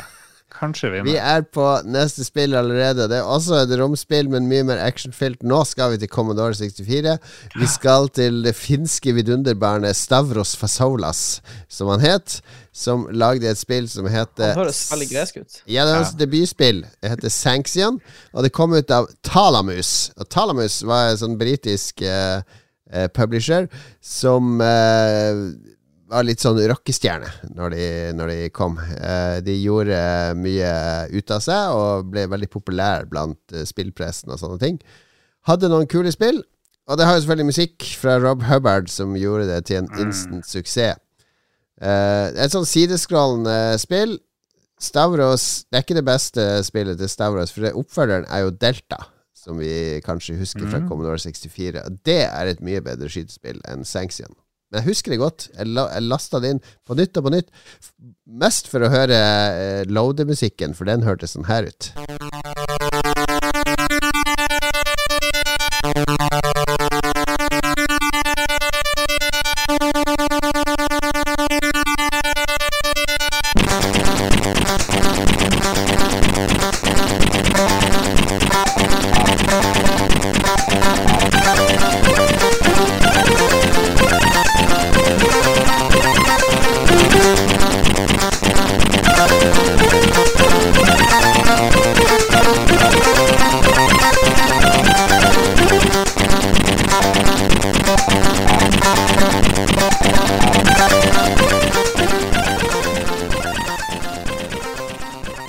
Magisk. Veldig, veldig bra. Rob Han, eh, Stavros eh, Fasolas ble faktisk nummer 13 på Matt Flynn si topp C64 Coders-liste. Ja, han var meget teknisk god, og det, det det spillet hadde for seg som var litt artig, var at det var sånn split screen. Der eh, På toppen av skjermen så så du sånn top down view, og så nederst av halvdel så var det sideview av det samme, da. Eh, men jeg, jeg, husker, men jeg husker så var den, den øverste delen var veldig sånn lite eh, Det hadde lite å si for gameplay. Ja, det, det ser ikke ut som den beveger like mye på seg, Nei. på en måte. det er ikke noe du egentlig trenger å bry deg så mye med. Det var egentlig bare forvirrende. Så han, han rydda opp i det der til Delta, og Delta det ble helt briljant. Jeg gleder meg til vi kommer til det. Oh. Delta. Ja, ja, ja. Ok, vi har bare to spill igjen. Du holder ut det, Lars. Ja da. Ja. Nest. Jeg er med.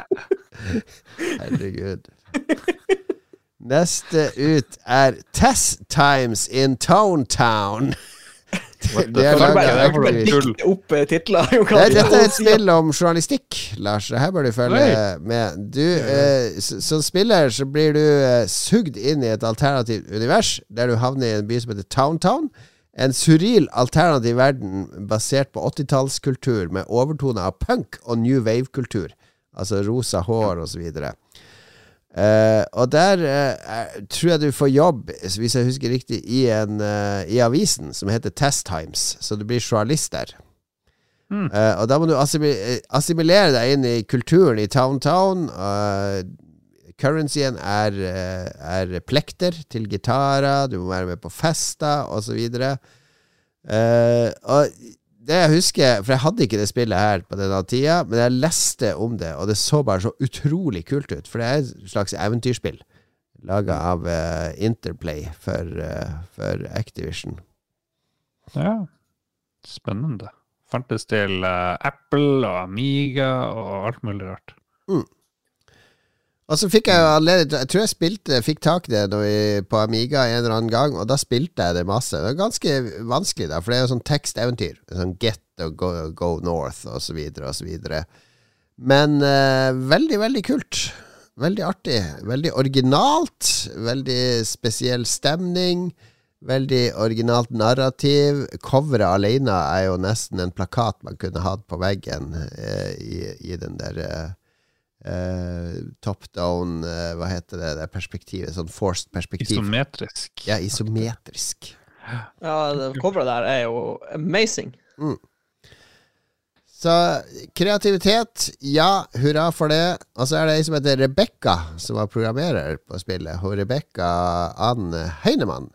Som også programmerte Barts Tale-spillene. Og oi, hun har laga en hel haug med spill du har vært med på. Golden Eye, Rogue Agent, Medal of Honor, Heksen 2, Icewind Dale, der sto hun for Macporten. Holy shit.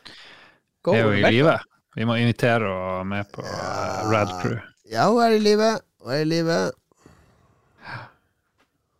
Bare tipse Jostein, så kommer hun med en gang. Ja, Kjenner at Jeg, jeg, jeg vet ikke om det er lov å si. Ja, vi må, nå ble det for drøyt. Vi må Her Må det klippes?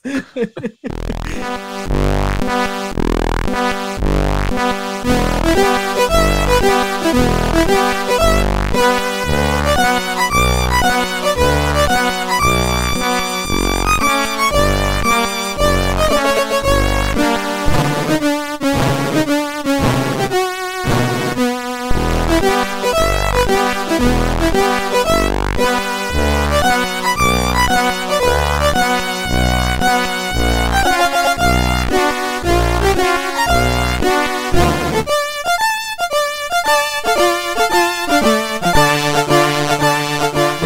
musikk fra Test Times, men det, er, det var en, etter du hadde loada inn Sanxion med den fenomenale poplåten, så fikk du da denne klassiske låten. Opprinnelig Tsjajkovskijs uh, musikk til Romeo og Julie, men i Rob Hubbard-versjon i spillet.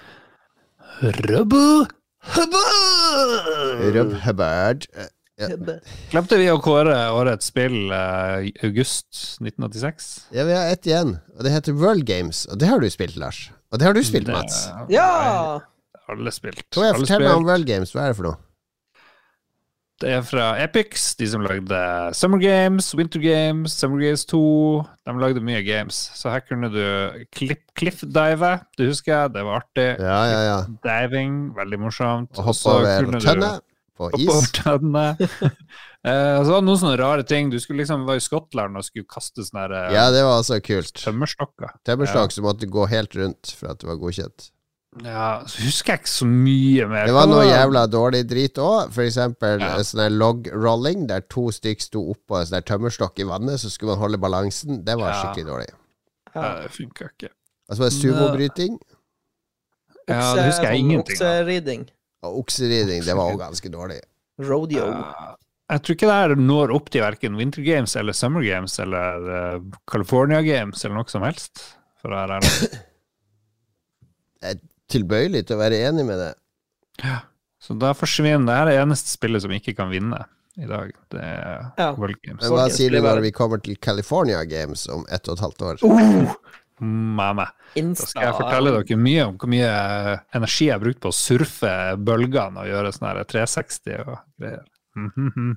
Men vi har fem gode spill her. Vi har World Games, Test Times in Tone, Sanxion, Starflight og Metroid. Hva er det beste spillet i august 1986? Mm. Det, det er vel vanskelig å komme unna at Metroid er en favoritt, siden det liksom er så populært. Men eh, kan det slå Test Times in Tone Town, er jo det store spørsmålet. Tenk deg, i februar så var vi jo eh, Da kom Zelda. Og så er vi i uh, august. Da kom Metroid. For et Nintendo-år dette var, da. Based, et based av et Nintendo. Jeg, jeg, jeg tror vi må gå for Metroid, folkens. Ja, jeg tror òg det, faktisk. Jeg, Det er kult med Starflight og Test Times in Tone Down. Ja, det er kult. altså Test Times er spillbart fortsatt. Det er i høyeste grad spillbart Ja, hvis du, så lenge du orker teksteventyrbit. Men det, det er lese. grafisk teksteventyr. Masse, masse kreativitet. Gå og spill det. World Games kan du spille. Sanxion, alt det. Det er litt sånn bruk og kast. Men Test Times, fin andreplass. Men vi må jo Mm. selvfølgelig kåre Metroid som beste Metroid. spill. Metroid, vi hyller deg! Gratulerer, August. Kronen er din.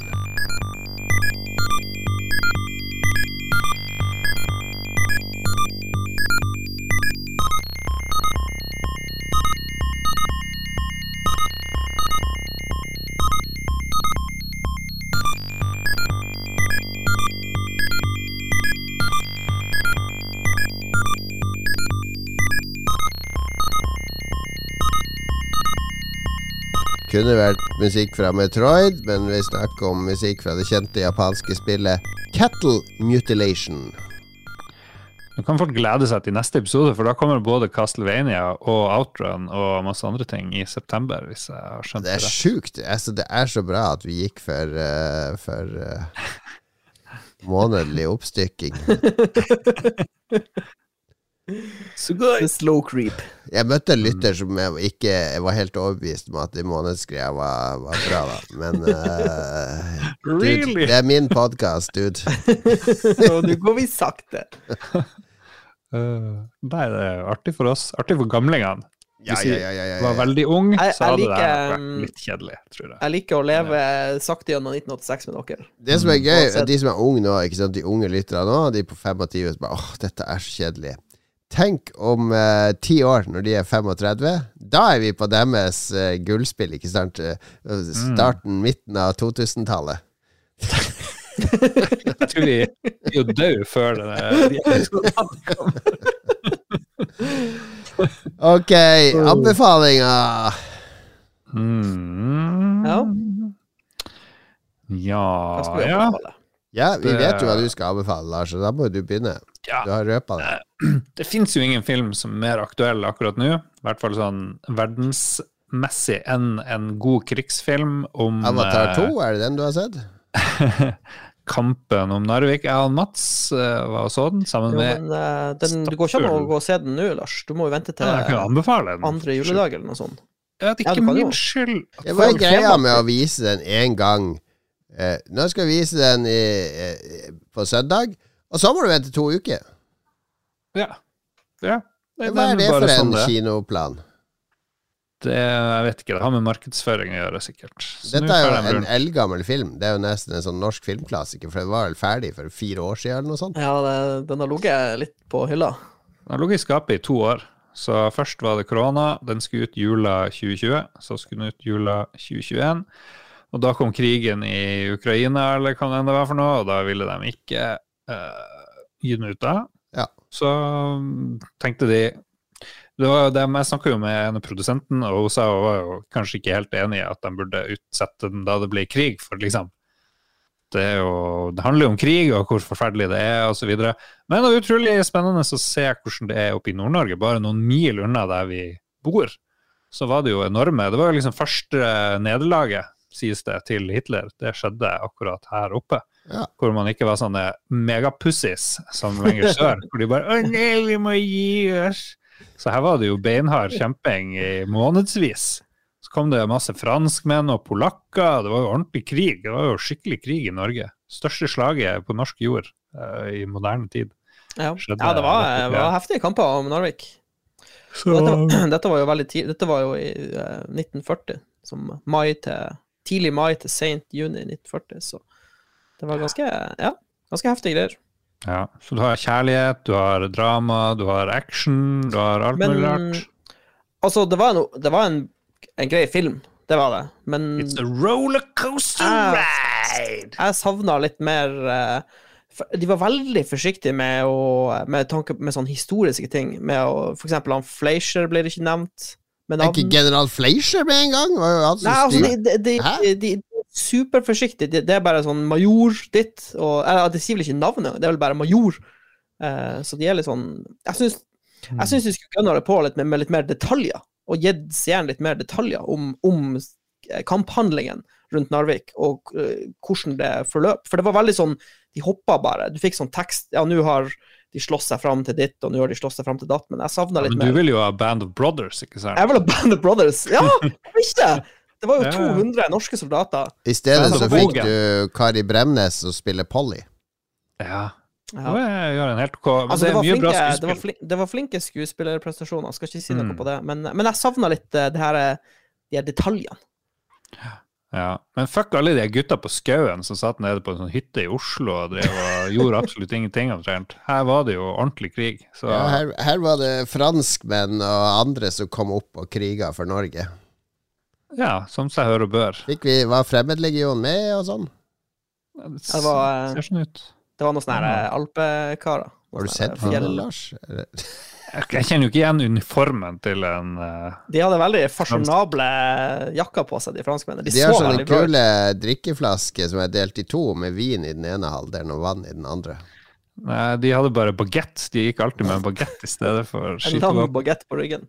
Ja. Nei, men det er absolutt verdt å se og anbefales, for helvete. Det må det være lov å si. Ja. Det er den beste Ja, filmen du har sett i år? Nei, jeg likte The Menu bedre. Sikkert, Jeg har sett veldig lite film i år. Herregud. Har du det? Må ta en oppsummering på det. Beste filmen i år skal vi se på eh, torsdag, Lars. Jeg ser jeg- Fordi jeg blir så skeptisk. Når jeg ser på overskriftene i anmeldelsene, så blir jeg så skeptisk. Det er sånn herre Nært og godt er overskriften. og så er det i, i fremover Viktig og velgjort drama. Det er, det er veldig sånn Her tråkker vi rundt grøten Mm. og tør ikke å si at smatt, smatt, dette kunne vært bedre, er det jeg får inntrykk av. Ja. Jo da. Nei, terningkast fire er jo Er det bra, absolutt bra til å være norsk? Er det det vi sier? Ikke så Jeg, syns det holder en slags internasjonal Av alle krigsfilmer du har sett, standard. Lars, opp gjennom historien, er det på topp ti? Mm. Og Absolutt. Schindlers liste, Uh, Saving Private Ryan, Platoon, Full Metal Jacket la, Skal jeg si hva det beste med hele filmen omtrent er? Det, I tillegg til skuespillerprestasjoner og at det var lokalt, og at det var bra. At den varer 1 time og 45 minutter. Ingen filmer trenger å være mer enn 1 time og Er 45 minutter. så kort? Helt perfekt. Ja, det, det, det var faktisk uh, litt forfriskende. Går det an å si forfriskende? Ja. Ja, det er lov. Ja, ja. Filmer varer for lenge. Jeg skal komme med ei ve veldig kort uh, anbefaling. Dette er mer ei slags oppdatering, for dette er noe som har blitt anbefalt tidligere, når vi så sesong én. Uh, men nå holder jeg på å se sesong tre av For All Mankind på eh, Apple TV, Apple Pluss. Jeg er usikker på hvilken tjeneste vi er på nå. Ja. Handler om han der wrestleren Mankind i Det handler WWE. om Er vi ferdig med Narvik allerede? For det, mitt neste poeng var at Olsenmannens siste skrik får også terningkast fire av Filmpolitiet, så det er da like bra som, eh, som Jeg er ikke gitt fire. Jeg har matt som gir fire, det må han få lov til. Jeg gir seks. Jeg gir sterk sekser. jeg skal gir kanskje hvis, Når den kommer på. TV3, skal jeg vurdere å se den. Med masse reklame. Er du full? Med masse reklame. Der var det de å se tre film på TV3. Ja, jeg, jeg, det, det er lite som frister med den filmen, men vi får se. Det er jo lokal Du har jo Jeg vet hva det er. Det er jo fordi du bare er full av sånne her eh, landsforrædere i familien. Det er jo derfor du ikke har lyst til å se Jeg vil jo se masse scener der destroyere blir senka ned i Narvikfjorden, og folk hopper i flammer ut i sånn oljehav og sånn. Får jeg det i den filmen? Scene på scene med det? Eller er det eh, Kari Bremnes som driver og gir matpakker til han Ola som skal ut og skyte på tyskeren? Nei, du, du blir jo å se den her, for guds skyld. Du tror du blir fornøyd. Ja, men jeg så akkurat den her, Den tolvte mannen, har du sett den? Det handler jo òg om slaget i Narvik. Det er jo sånn søringfilm, så det gidder jeg ikke. Ja, det er jo med han fingeren, han kjæresten til Jenny Skavlan, som spiller han der eh, soldaten. Eh, og den, der ble jeg veldig mett på Narvik-slaget, så jeg må ha det litt mer på avstand. Du er sykt lei Narvik. Ja, for Narvik Harstad har alltid hata hverandre. Mm, er ikke nå lenger. ikke, ikke i 1940. Greit, greit. Jeg skal sikkert se den når den kommer på Den er sikkert på Netflix før sommeren. Ja. Så avbrøt du midt i uh, For All Mankind sesong tre, der jeg driver og Ja. skulle gjøre fantastisk humor Uh, Ja. som Med Wrestler. Mankind. Det handler ikke Ja. om Wrestler Mankind. Det handler om, det handler om menneskeheten. Og vi har gått uh, Var det Mankind som hadde sånn sokk på hånda? Ja. Som han drev og dytta opp i trynet? Goddammit. ja, Det det ultimate incelt å putte sokk inn i munnen på Jeg folk. tar av seg sokken, og så tar den på handa, og så dytter den inn i kjeften på folk. The ultimate diss. Nei, altså, jeg har ikke um, Jeg, jeg, jeg gidder ikke å gå eh, så mye inn i detaljene på hva sesong tre handler om. Det er bare at eh, det, det er Oh, en no. dritbra Det er en dritbra TV-serie. Det er kongebra. Hvis du, ikke, hvis, Ja. du, hvis du er på gjerdet, og du ikke har sett For All Mankind, så for guds skyld, eh, sjekk ut eh, sesong én, da. Det er sånn Apple. TV pluss-greier. Uh, ja, jeg tror det. Er det ikke det? ja. Jeg er litt lei av sånne Apple TV Pluss-greier. Det det Jeg så er den der tolvte mannen på Apple TV. Jeg får nok av det.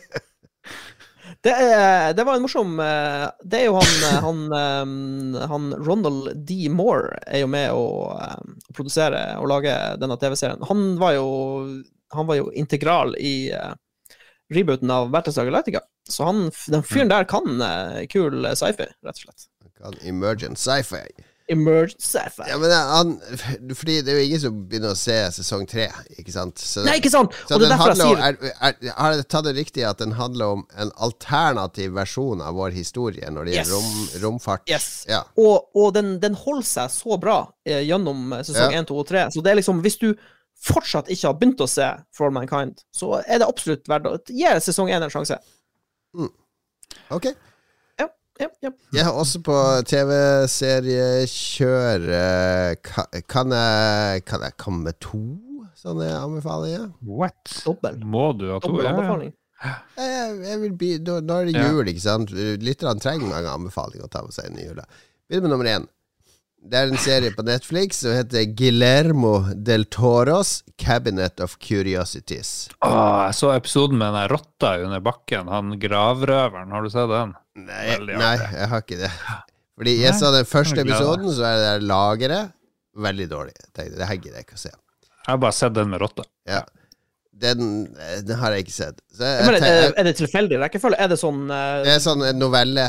Så det, Jo, men er det sånn som Love, Death, Robots, at eh, du fikk episode 1 som Nei, nei, nei. Nei. Nei, Nei, jeg vet ikke hvorfor han gikk på episode to. Det er sikkert noen andre som så på, og så hoppa han OK, på. OK, OK. ok Men jeg, eh, jeg så episode én. Jeg liker jo horror. Guillermo del Toro er også kul. Mange av filmene hans er veldig kule. Men eh, den første episoden var Det var litt sånn B-rull fra Twilight eh, Zone. Så det bare OK, det her gidder jeg ikke mer. Men så var det en som sa til meg eh, se episode syv. Den som heter uh, The Viewing. Uh, for den er veldig spesiell. For Hver episode har en egen manusforfatter og egen regissør. Jeg husker ikke hva regissøren heter, men den episode syv foregår på 70-tallet. Handler om fire sånne kjente folk som blir invitert hjem til en sånn rik fyr for å se på et eller annet. Foregår på, i 1979, og den var så fet. Det er Det er drugs, og det er en estetikk i bildet. Det er så mye lens flare at du begynner å lure på om det er noe galt med TV-en din. Det er så mye blødende farger overalt. Det, se, det ser så bra ut, og den var så Den var så sykt morsom, den episoden. Det er man derre Erik André, er ikke det han heter? En, en eller annen sånn der trasig komiker. Å ja. Erik André, er ikke det Harald Ja, Hvis du søker på Erik André, han har sånn enorm afro og bart. Han er litt sånn der En sånn amerikansk standup. Han er med der. Eh, helt sånn rar, rar casting. Eh, det er han Robocop. Han er også med. Han Peter Peter Weller. Weller. Peter Heller. Han er med. Altså, fet musikk, og den estetikken og alt. Det er en sånn komplett pakke. Den enkeltepisoden. Det er litt deilig med TV-serier Mm. der du ikke trenger å se en masse drit for å se noe som er bra. Det, du, det, alt er jo avsluttende i, i den her, så det, det er bare å se episode syv av um, uh, Guillermo del Toros Cabinet of Curiosities. Er det sånn 35 minutter episoder, eller er det en times 48-55 okay, der okay. omkring. Ja. Under en time. timen. Ja, ja. Ja. Lager Lage middag, setter på den, og så spiser middag og slapper av på sofaen og ser den. Jeg anbefaler den òg, hvor det er en sånn fyr med en ubåt, og så drar det en sånn journalist og skal fære på tur med den ubåten. Ubåt-Madsen. Så blir det Cabinet of Horror! Men jeg ser den episode syv. Det- Den uh, uh, The Witness. The Viewing. The Viewing. The Viewing. Men det den jeg egentlig skulle anbefale, er noe jeg oppdaga på HBO nå denne helga. Som jeg gikk en helt blind på. Det er en eh, reality-serie som heter uh, uh, The Rehearsal, eller bare Rehearsal.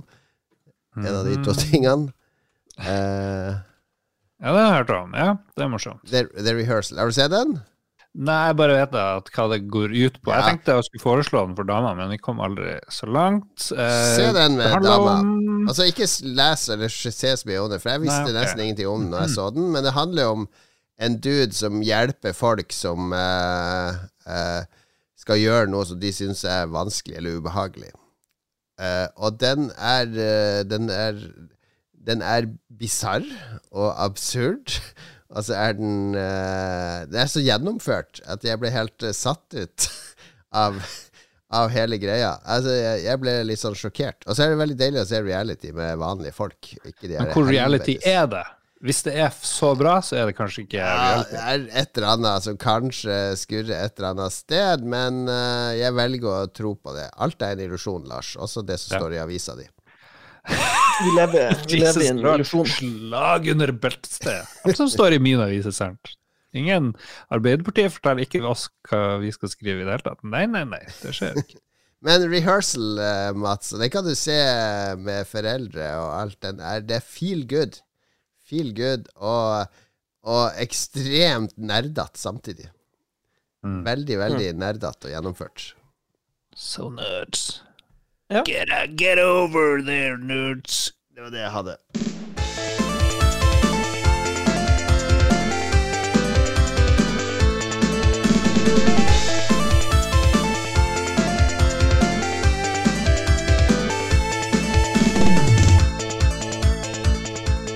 Da, Vi har ikke noen lytterspalte, er det så? Jo da. Vi har Nei! litt kvalitetslytterspalte. Liv Cato. Like skuffa hver gang. Er Nå er de midt i kampen. Ja, ja, men vi, vi, vi må i hvert fall eh, nevne, skal vi se um, Stian A. Skjerven trenger noen oppmuntrende, motiverende ord fra min uh, favorittpodkast. God jul! Sånn, neste. du jo få,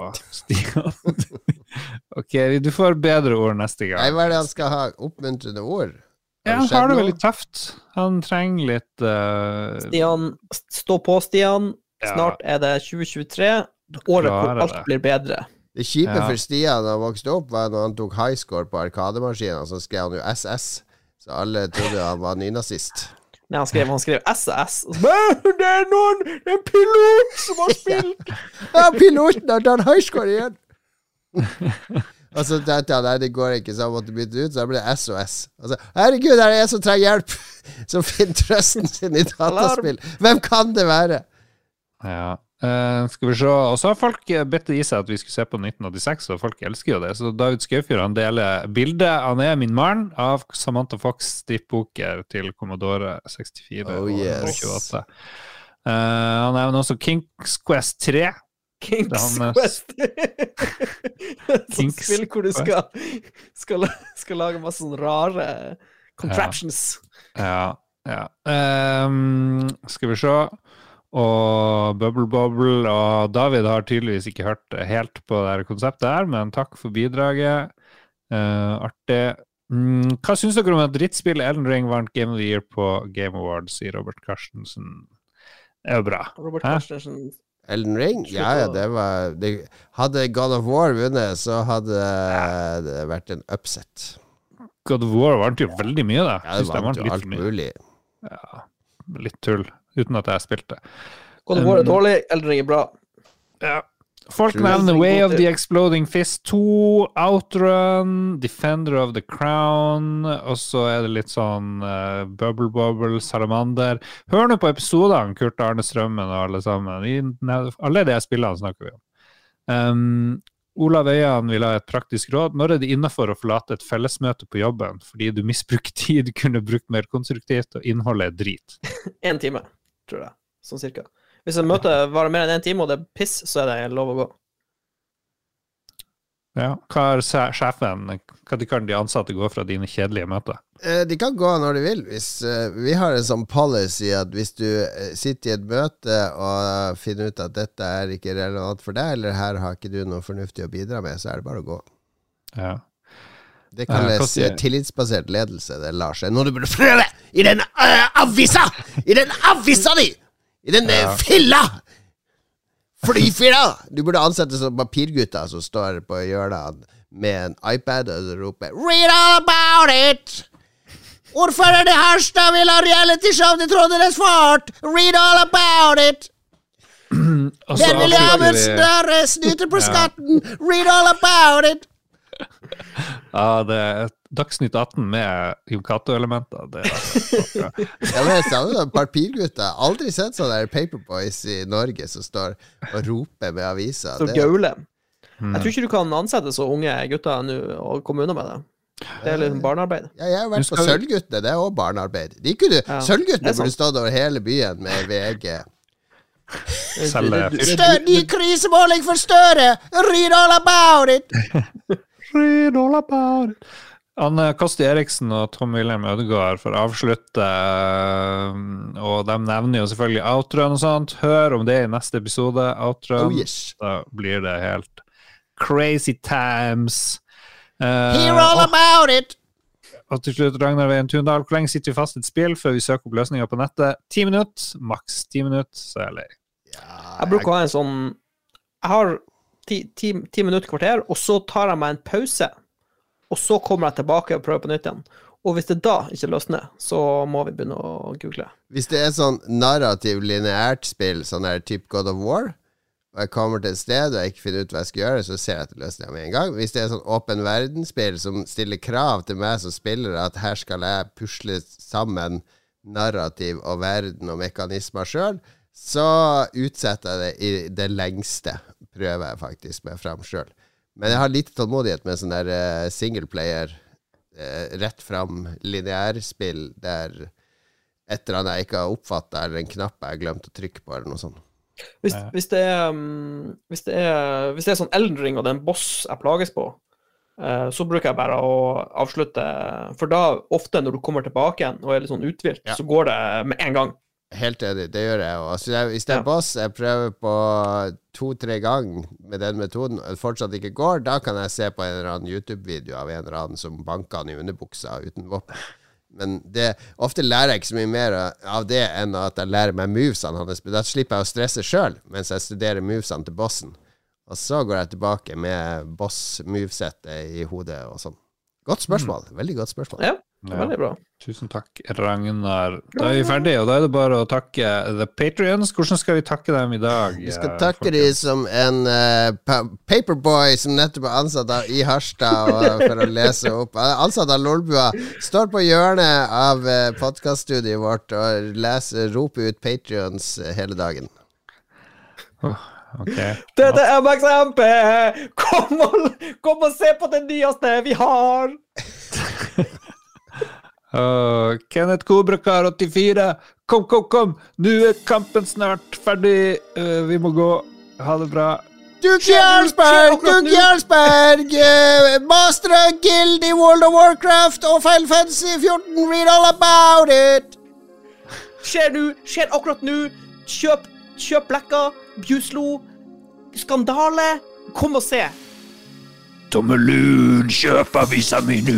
Tommelun! Du, er, du har vært i stemmeskiftet, du får sparken. Du får ikke være papir, paperboy for, for Lolbua. Men tusen takk til dere patrions som til tross for strømkrise, matkrise og alle andre kriser fortsatt gir litt penger til oss hver måned. Sveppelgave er på vei. Det er et par som har vært litt treige med bidragene som skal inn der, men i januar lover vi at alle får en eh, fin gave på nyåret. Får så mye gaver i desember. Det er greit å ha noen grenser til januar. Takk for oss. God tur på plattform, Mats. Ja, tusen takk. Eh, jeg vil gjerne ønske alle god jul og godt nyttår.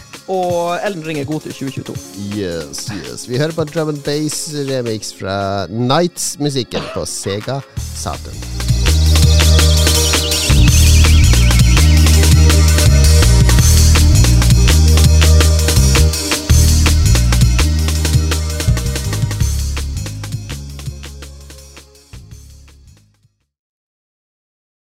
Har du et enkeltpersonforetak eller en liten bedrift?